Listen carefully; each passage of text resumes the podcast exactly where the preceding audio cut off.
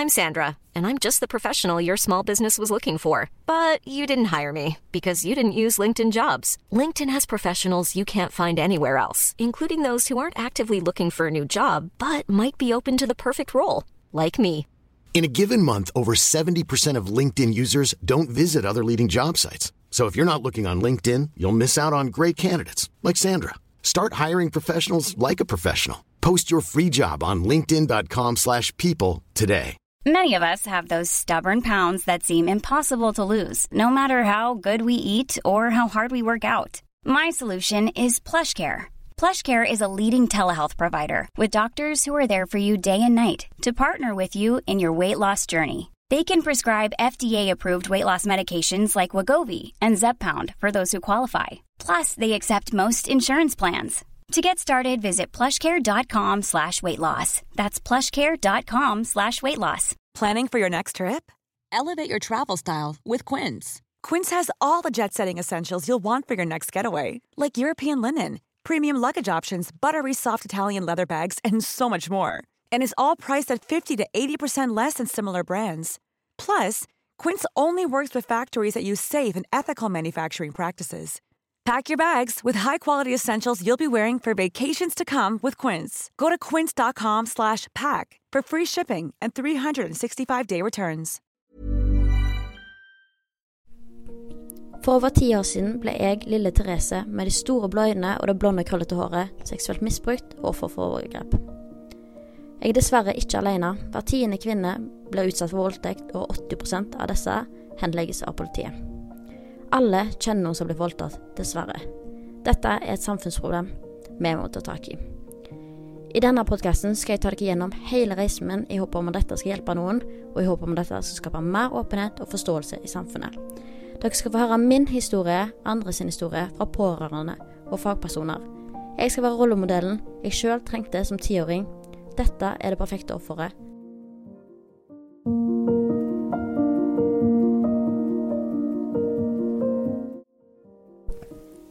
Hei alle sammen, og velkommen til en ny episode av Det perfekte offeret. Og godt nyttår. Og jeg håper dere har hatt en kjempe, kjempefin jul med deres nære og kjære, og at dere har fått slappe av og nøte ferien deres og spist masse god julemat.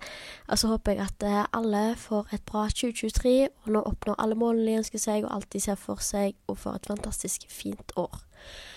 Jeg tok en liten pause i desember fra måte, alt med sosiale medier og podkast og alt mulig, for å på en måte bare trekke pusten litt, samle tankene mine og tenke på Samle tankene mine og bare nyte omgivelsene rundt meg og folkene rundt meg, og bare ta vare på relasjoner og ta vare på meg sjøl og puste litt i bakken.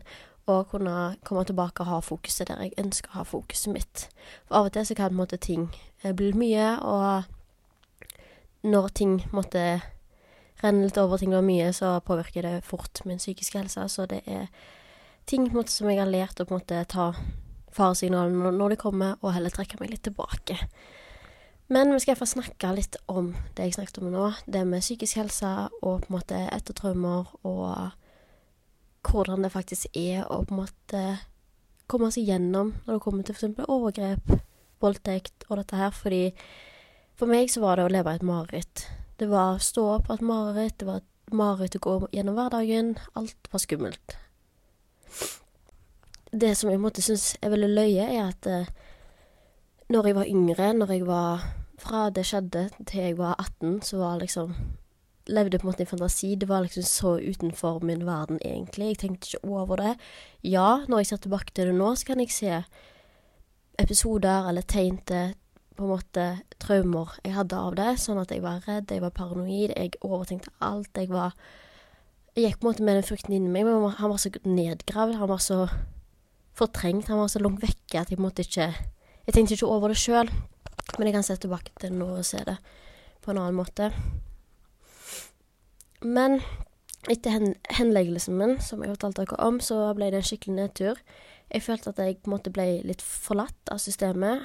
Fordi nå hadde jeg endelig tørt å anmelde dette her, og det er det verste steget, det er det skumleste. Men så ble han likevel henlagt, og da ble skuffelsen så stor at jeg gikk utover meg sjøl. Er det sånn at det skal være så enkelt å bare gå videre og late som alt er helt fint? Hvordan skal jeg klare sjøl å akseptere det som skjedde? Det var det store spørsmålet som jeg gikk med. Fordi hvor skal du begynne? Du har gått med dette så lenge. Hvor er starten? Liksom, hvor begynner du? Hvor begynner du å ta tak i problemene dine? Det er jo så mange. Det føles jo på en måte litt uoppnåelig å på en måte få det bra igjen. Så etter henleggelsen min av saken, så ble det sendt en søknad om erstatning til voldsoffererstatning. Og da tulla jeg med sånn herregud, du kan i hvert fall få noen penger for at saken ble henlagt, men jeg skulle heller ha sett personen dømt ti ganger enn en erstatning. Jeg tror ingen sum av penger kan gjøre rede for den skaden som ble påført, psykisk og fysisk. Du ble skada for livet, og om jeg skulle fått 100 000 eller 1000 kroner, kunne ingenting endre det som skjedde. Ingenting det er ikke noe som kan erstatte de skadene som ble påført meg i etterkant, og som kan ta tiden tilbake. Det tok han fra meg som barn, og den tiden får jeg ikke tilbake. Hele livet mitt føltes på en måte litt meningsløst, for det gikk på en måte med ingen måte, glede i hverdagen, ingen mål. Alt føltes bare meningsløst. Og hvordan skulle jeg leve videre med dette her på skuldrene mine? Jeg ble ferdig med saken på høsten en gang og jeg følte meg tom inni meg. Det var ingen som forberedte meg på hva livet etterkant skulle bli. Jeg var reddere noen gang, og jeg følte meg jævligere noen gang. Jeg var redd for å sove fordi du kunne høre stemmen hans igjen, eller få flashbacks av hva som hadde skjedd tidligere. Det var et mareritt å legge seg i den forbanna senga, og jeg ville helst bare la døgnet gå, og bruke tiden på andre ting som kunne slippe meg fra disse følelsene og tankene. Jeg hadde så mange følelser inni meg, og jeg ble dømt til å rase en dag. Hverdagen min ble vanskeligere og vanskeligere, og det begynte å bli tungt å bare late som ingenting. I tillegg var det.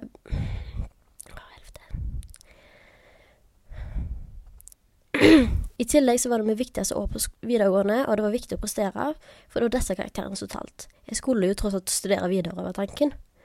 Det var korona, og vi kunne ikke møte andre mennesker for de måtte holde oss inne. Det var egentlig bare helt perfekt for meg, fordi jeg ønska egentlig bare å grave meg ned under dyna og, og glemme verden. Jeg syntes det var jævlig å se folk i øynene, fordi selv om jeg visste ingen visste dette, så følte jeg meg ekkel. Jeg følte folk dømte meg. Jeg følte alle blikk var dømmende. Jeg følte alle visste hva som hadde skjedd, alle hva, hva som hadde blitt gjort. Og det ble vanskelig å møte på skolen de få gangene, og jeg tok ofte unnskyldningen om at jeg var sjuk. Jeg hadde kamera og mikrofon av i Teams-møtene fordi jeg bare lå og gråt. Etter politisaken min ble henlagt, begynte det å gå skikkelig inn på meg. Helt ærlig så trodde jeg skulle gå fint først, men der tok jeg fullstendig feil. Advokaten min spurte meg om jeg ønska psykolog etter henleggelsen, men jeg sa nei, det går helt fint med meg. Jeg lurte meg sjøl til å tro det, men innerst inne hadde jeg en trang til å bare knekke sammen og legge meg i forsvarsstilling. Jeg følte at jeg måtte stå på beina og bite tennene sammen og stå opp mot realiteten. Jeg beskytta meg sjøl for det vonde som ville komme. Jeg hadde ikke lyst til å gå gjennom den samme smerten og tenke på alt det vonde som ble sagt under politisaken. Jeg hadde bare lyst til å glemme alt og gå tilbake til å og gå tilbake til der alt var nærmest fortrengt. Her satt jeg i dag fortsatt med ukomfortabel følelse av å dusje alene flere ganger. Flere ganger får jeg ikke sove fordi du hører i stemmen hans, får flashbacks eller er redd for å møte på han. For jeg vet aldri om noe dukker opp på internett, eller jeg får aldri vite hvem det er. Og det å ikke vite er det verste for et menneske, fordi vi trenger bekreftelsen bare på å vite. Jeg har virkelig fått kjenne på om anmeldelsen min var virkelig verdt det eller ikke. Eller er det bare en naiv tankegang fordi jeg allikevel hadde begynt å slite senere. I etterkant har jeg begynt å slite mer og mer med å sove. Jeg finner ikke roen, og alle tankene mine går på høygir om natta. Jeg kan høre stemmen hans etter den ene gangen. Jeg hadde en kort, kort samtale med han, og jeg får ikke sove uten bakgrunnslyd. Enten så må TV-en være på, podkast, musikk eller lignende. Hvis ikke, så sover jeg ikke. Er det helt stille, overtenker jeg. Jeg tenker på enkelte episoder og ser for meg hvordan jeg kunne unngått hele opplevelsen med Martin. Alt går på repeat og repeat. Det stopper ikke, og det plager meg innmari mye. Jeg kan ikke bare stoppe alt sammen. Og ikke nok med det, så mista jeg troen på mennesker, og jeg følte meg overhodet ikke trygg rundt menn. Jeg snur meg en ekstra gang og klarer ikke å holde øyekontakt med dem. En gang så skulle jeg handle på matbutikken måtte jeg bare snu meg og gå tilbake i bilen, for jeg knakk sammen av en liten ting der en mann stirra Jeg følte han stirra intenst på meg, men det var nok bare et normalt blikk. Alt som gikk i hodet mitt, var 'tenk om han, tenk om han, hva gjør jeg, hva gjør jeg?' Du går i Du går i en overlevelse Det føles nesten ut som du går i sånn der overlevelsesmodus. At det er enten så dør du, eller så overlever du. Det føles sånn. Og hvis så, sånne ting skjer, så føler jeg meg pressa i et hjørne, og det er ofte der jeg tenker sånn Tenk om det er han? Fordi jeg kommer aldri til å vite hvem det egentlig var. Jeg vet ikke om det er mannen på Kiwi på kass. Jeg vet ikke om det er mannen på kassa på Kiwi, sjefen min, læreren min, eller noen jeg kjenner godt. Jeg kommer aldri til å vite det. Og det gjør meg ukomfortabel og bekvem, for, for hvordan skal jeg egentlig leve med noe sånt? Midten, midten av april 2020 tok jeg endelig et steg videre.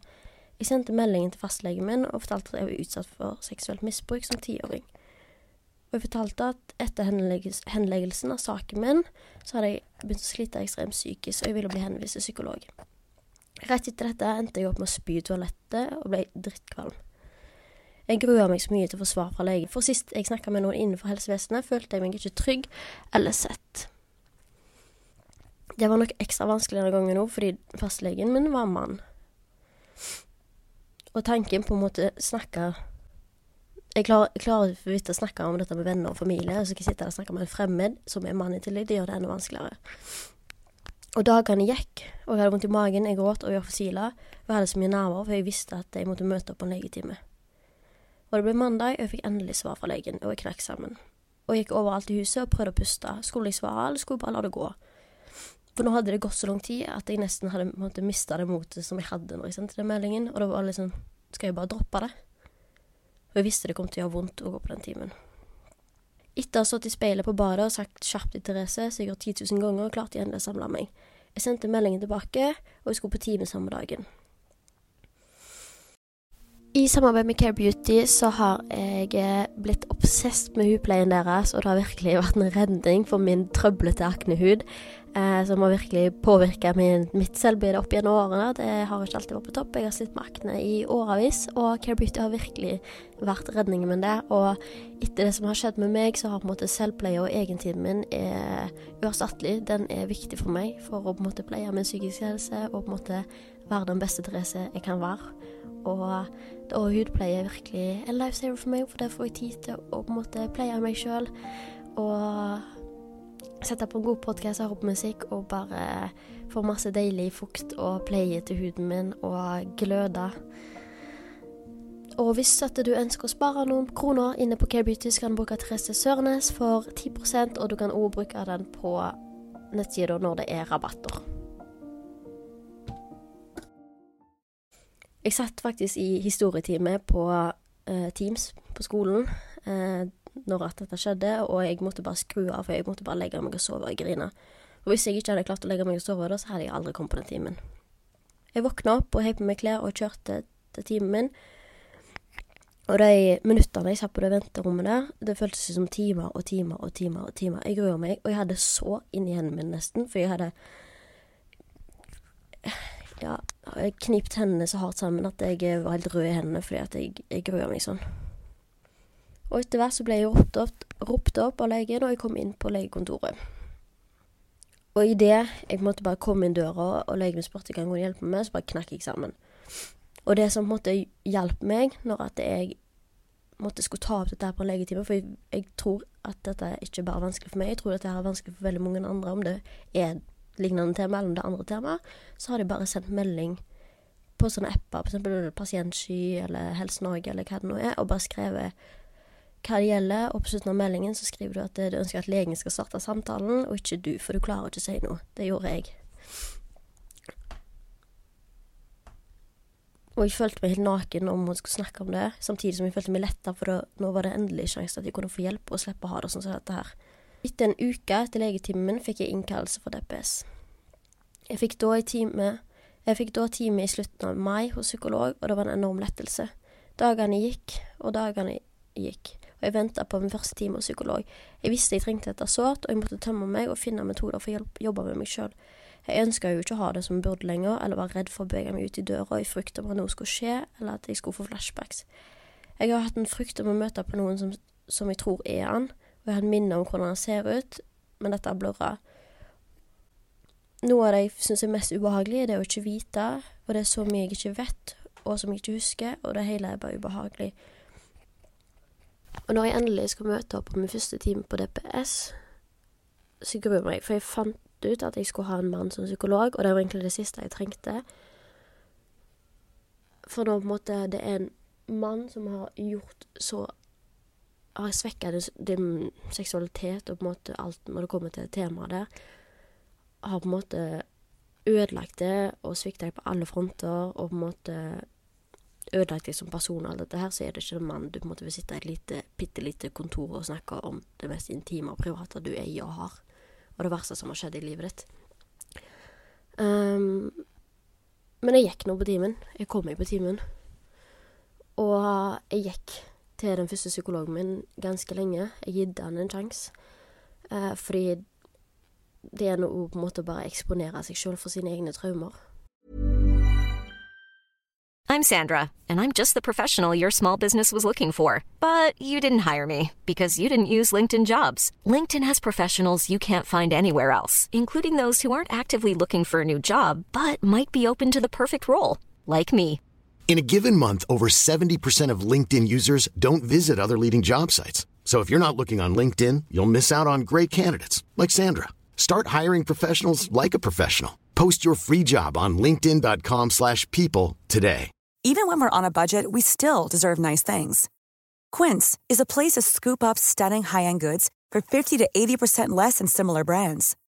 They have buttery soft cashmere sweaters starting at $50, luxurious Italian leather bags, and so much more. Plus, Quince only works with factories that use safe, ethical, and responsible manufacturing. Get the high-end goods you'll love without the high price tag with Quince. Go to quince.com slash style for free shipping and 365-day returns. Og bare se at det, går faktisk fint. Du kommer deg faktisk gjennom det. Ikke skumle. De, alle farlige. Det er bare noe overbevise seg sjøl, på en måte. Men uansett hvor lang tid det gikk, et, både før og etter timene mine, så fikk jeg Jeg skjalv i hele kroppen. Kroppen min klarte ikke å stoppe. Han bare gjorde seg sjøl. Han bare skjalv og skjalv og skjalv. Og hen, jeg hadde hakka tenner, og det var liksom kroppen Du så liksom at kroppen min var på en måte i typ sånn overlevelsesmodus, og at jeg var redd. Du kunne se det på hele meg, sjøl om at jeg på en måte ikke tenkte det. Veldig spesielt. Uh, men når jeg begynte hos DPS, så var det jo veldig sånn der uh, obligatoriske ting. Sånn fylle et skjema, finne diagnose og alt dette her. Og vi kom jo fram til at jeg hadde PTSD av traumene mine, som er posttraumatisk stress. Og det hører du ofte i relasjon med når folk har vært i krig og sånne ting. Uh, men ofte er når eh, mennesker har opplevd eh, sånn som vold eller voldtekt eller overgrep og sånt, så er ofte PTSD en konsekvens av det, da. Og det kan være andre diagnoser, men det er iallfall det jeg ble diagnosert med.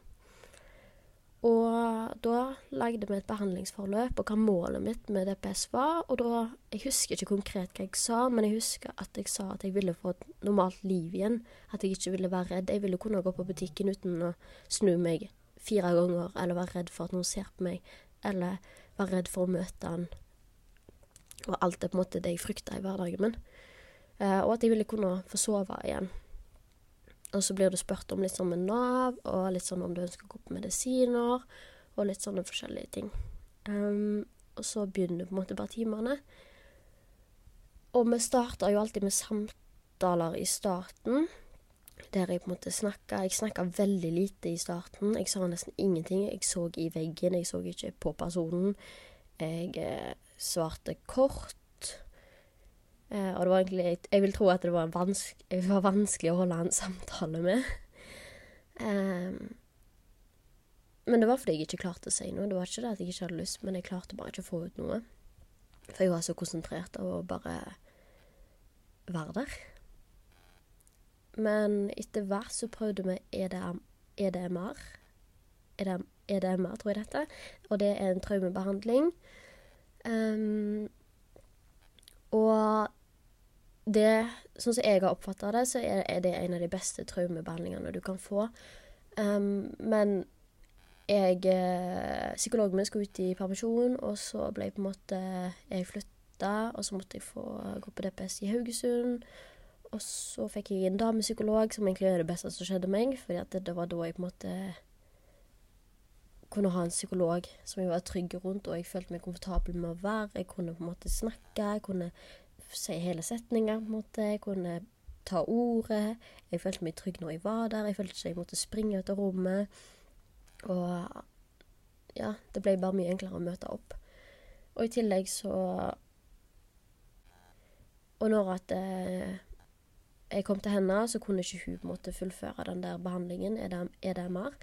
Um, men da lagt Jeg husker ikke helt hva det heter, men vi jobba kognitivt med, eh, med, hodet mitt, og på en måte eksponere på en måte meg sjøl for traumene mine.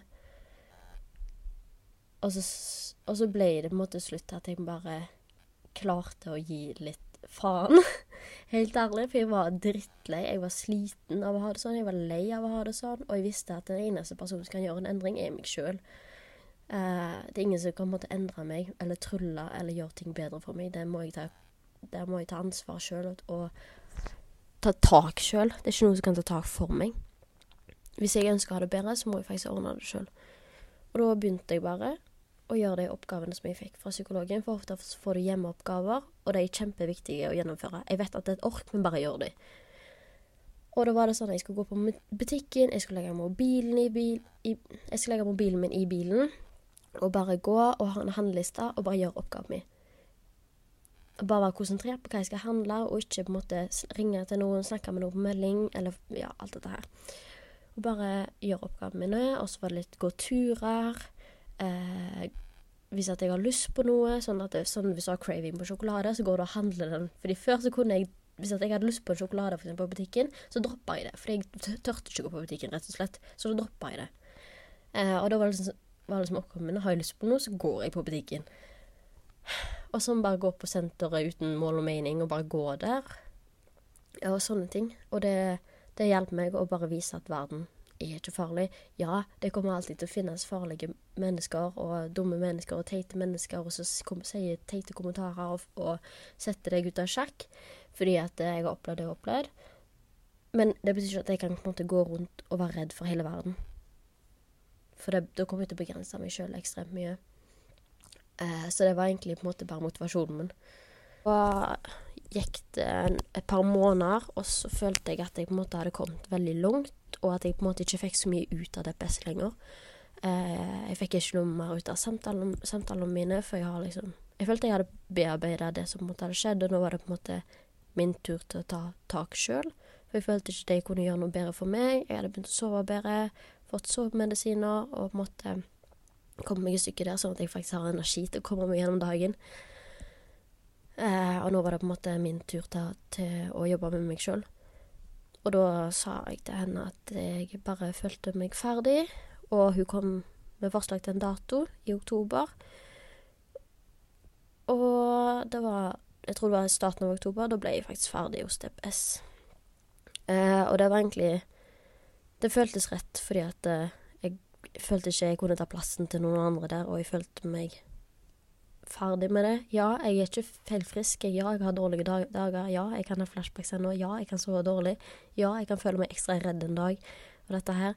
Men jeg tror at det kommer jeg til på en måte ha med meg uansett resten av livet på en, en, eller annen måte. Jeg kommer aldri til å bli kvitt det totalt.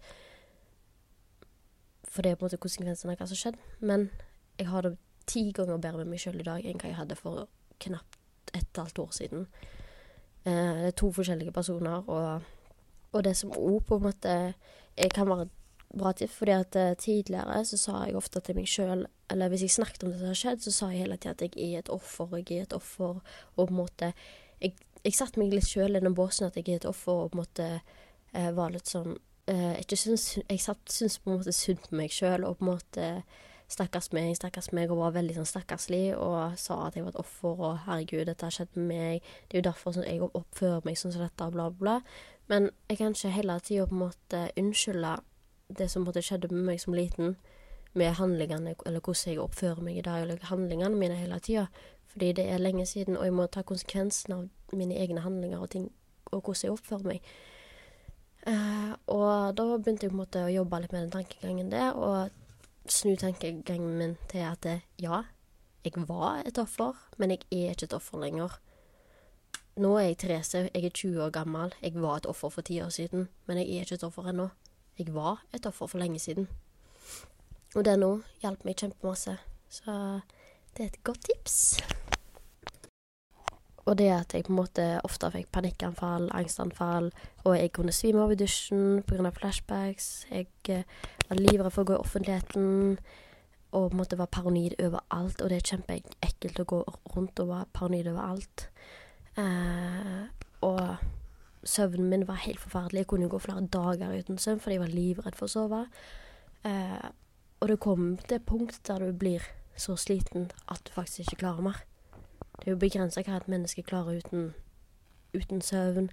Eller på en måte gå rundt og være redd for alt. Og det er jo en sinnssyk påkjenning på kroppen av hvor sliten du blir. Og det som måtte være redningen min, var først av alt at jeg sjøl innså måte, hvor stort problemet var, og hvor mye dette her påvirka meg psykisk og fysisk.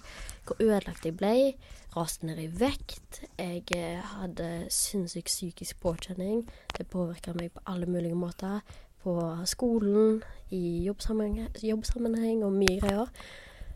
Um, så først av alt så var det første steget mitt at jeg måtte innså sjøl hvor mye dette påvirka meg, og at jeg måtte gjøre en endring. Jeg var villig til å gjøre en endring. Jeg var villig til å kjempe for å få det bra igjen. Og det andre var at jeg hadde familie og venner rundt meg som jeg kunne snakke med, som støtta meg. Uh, jeg kom meg ut av et forhold, og så kom jeg, kom jeg meg inn i et forhold der jeg på en måte fikk, ble vist at eh, eh, hvordan et sunt forhold skal være, hvordan du skal bli behandla, at du, du, er verdt å bli elska, du er verdt at noen er glad i deg. Det er noe som setter pris på deg. Eh, du kan ha et sunt og bra eh, sexliv med partneren din. Altså, du blir hørt, du blir sett. Du blir lytta til, du blir møtt med forståelse. Det er noen som hjelper deg gjennom hverdagen og er der for deg hvis det er noe. Og alt dette her, hvis du legger alt dette her sammen, så var på en måte hele dette her på en måte redningen min, og det var det som hjalp meg. Og det som på en måte var, jeg tror var viktig fra min side, var at jeg måtte være villig til å si hvordan jeg hadde det, og på en måte åpne meg opp, og ikke For jeg har alltid vært veldig inneslutta og vært veldig Snakka lite om følelser, snakka lite om hvordan ting er, og sånne ting, men da kan, da kan du heller ikke legge skylden på noen at det er ingen som vet det. Det er en ting at du på en måte har forklart hvordan du har det, og ikke blir lytta til. Men hvis du faktisk forklarer det og blir lytta til, så er det mye enklere for deg rundt deg å faktisk hjelpe deg òg. Og hvis du på en måte setter deg ned og prøver å forklare hvordan du har det, eller hvor vanskelig ting er, at du bare syns det er vanskelig å gå på butikken, liksom, så får du hjelp. Så det første steget er å på en måte omstille seg sjøl litt og finne ut hva dine problemer er, og hva som er vanskelig for deg, og hvordan du faktisk skal komme deg gjennom dette her. Og sette deg delmål for delmål Og begynne et sted. Det er det viktigste. For har du begynt, da har du tatt første steget. Og alltid begynn med deg sjøl før du på en måte tar tak i de andre, sånn som på en måte menneskene rundt deg. Og på en måte finne dine støttespillere i hverdagen. Du trenger ikke ha masse mennesker rundt deg som måtte vet om alt, hvis det ikke er det du ønsker. Det holder med én person. Om det er psykologen din, legen din, helsesøster på skolen, læreren din, eller om det er søstera di, vennen din, kjæresten din. Det kan være hvem som helst. Men det er noe med det å bare ha den støtten rundt deg. For jeg vet at jeg ikke hadde klart meg uten den. Nå gjennom tre episoder så har jeg på en måte tatt dere gjennom min historie. Og hvis dere vil ha enda mer om min historie, så kan dere høre Sykt ærlig med Martine. Eh, der har jeg en episode der jeg gjester hos henne og snakker mer om dette her. Um, I tillegg som jeg deler mye på Instagram, Therese Sornes, og på TikTok, Therese Sornes med to s-er på slutten. Uh, og videre så kommer jeg til å snakke med familiemedlemmer, jeg kommer til å snakke med kjæreste, venner, jeg skal prøve å få med advokat, jeg skal prøve å få med en psykolog, og i sesong to så kommer det òg til å komme gjester som har opplevd lignende innenfor dette temaet her, der vi snakker om om deres historie, der dere skal fortelle deres. Og det trenger, dere, hvis, hvis, du ønsker å gjeste podkasten min, og du vil være anonym, så kan du gjerne sende meg en mail på Therese at hotmail.com, så skal vi få det til òg. Fordi at eh, av og til så er det bare godt å ha noen som lytter til deg, og bare lette litt på skuldrene. Det hjelper massevis. Eh, så videre så skal vi dukke litt mer inn i det å være pårørende. For nå har jeg snakka mye om det å på en måte være, eller ha vært et offer. Eh, og hvordan ting er etter, og når det står på som verst, og hva som har skjedd. Og hele hendelsesforløpet og etterpå. Altså det er en lang prosess, på en måte. Eh, men det er òg masse som skjer på pårørende. Det er masse tanker, masse følelser, og hvordan det faktisk ser ut fra utsida. Det er jo ikke alltid det er enkelt å være en mamma, det er ikke alltid enkelt å være en søster, det er ikke enkelt å være en kjæreste. Eh, det kan være kjempevanskelig å være pårørende nå. Det er, en burde, ikke en burde, men en påkjenning for de rollene nå, så jeg tenkte det er viktig å få med dette òg. Eh, for det er mange som sitter der ute og er pårørende. Så jeg vil gjerne skape en stemme for deg òg. Så da vet dere iallfall hva dere får videre i podkasten. Og gjerne legge igjen en anmeldelse på podkasten min hvis du ikke har gjort det før. Det setter jeg veldig veldig stor pris på. Og så snakkes vi i neste episode.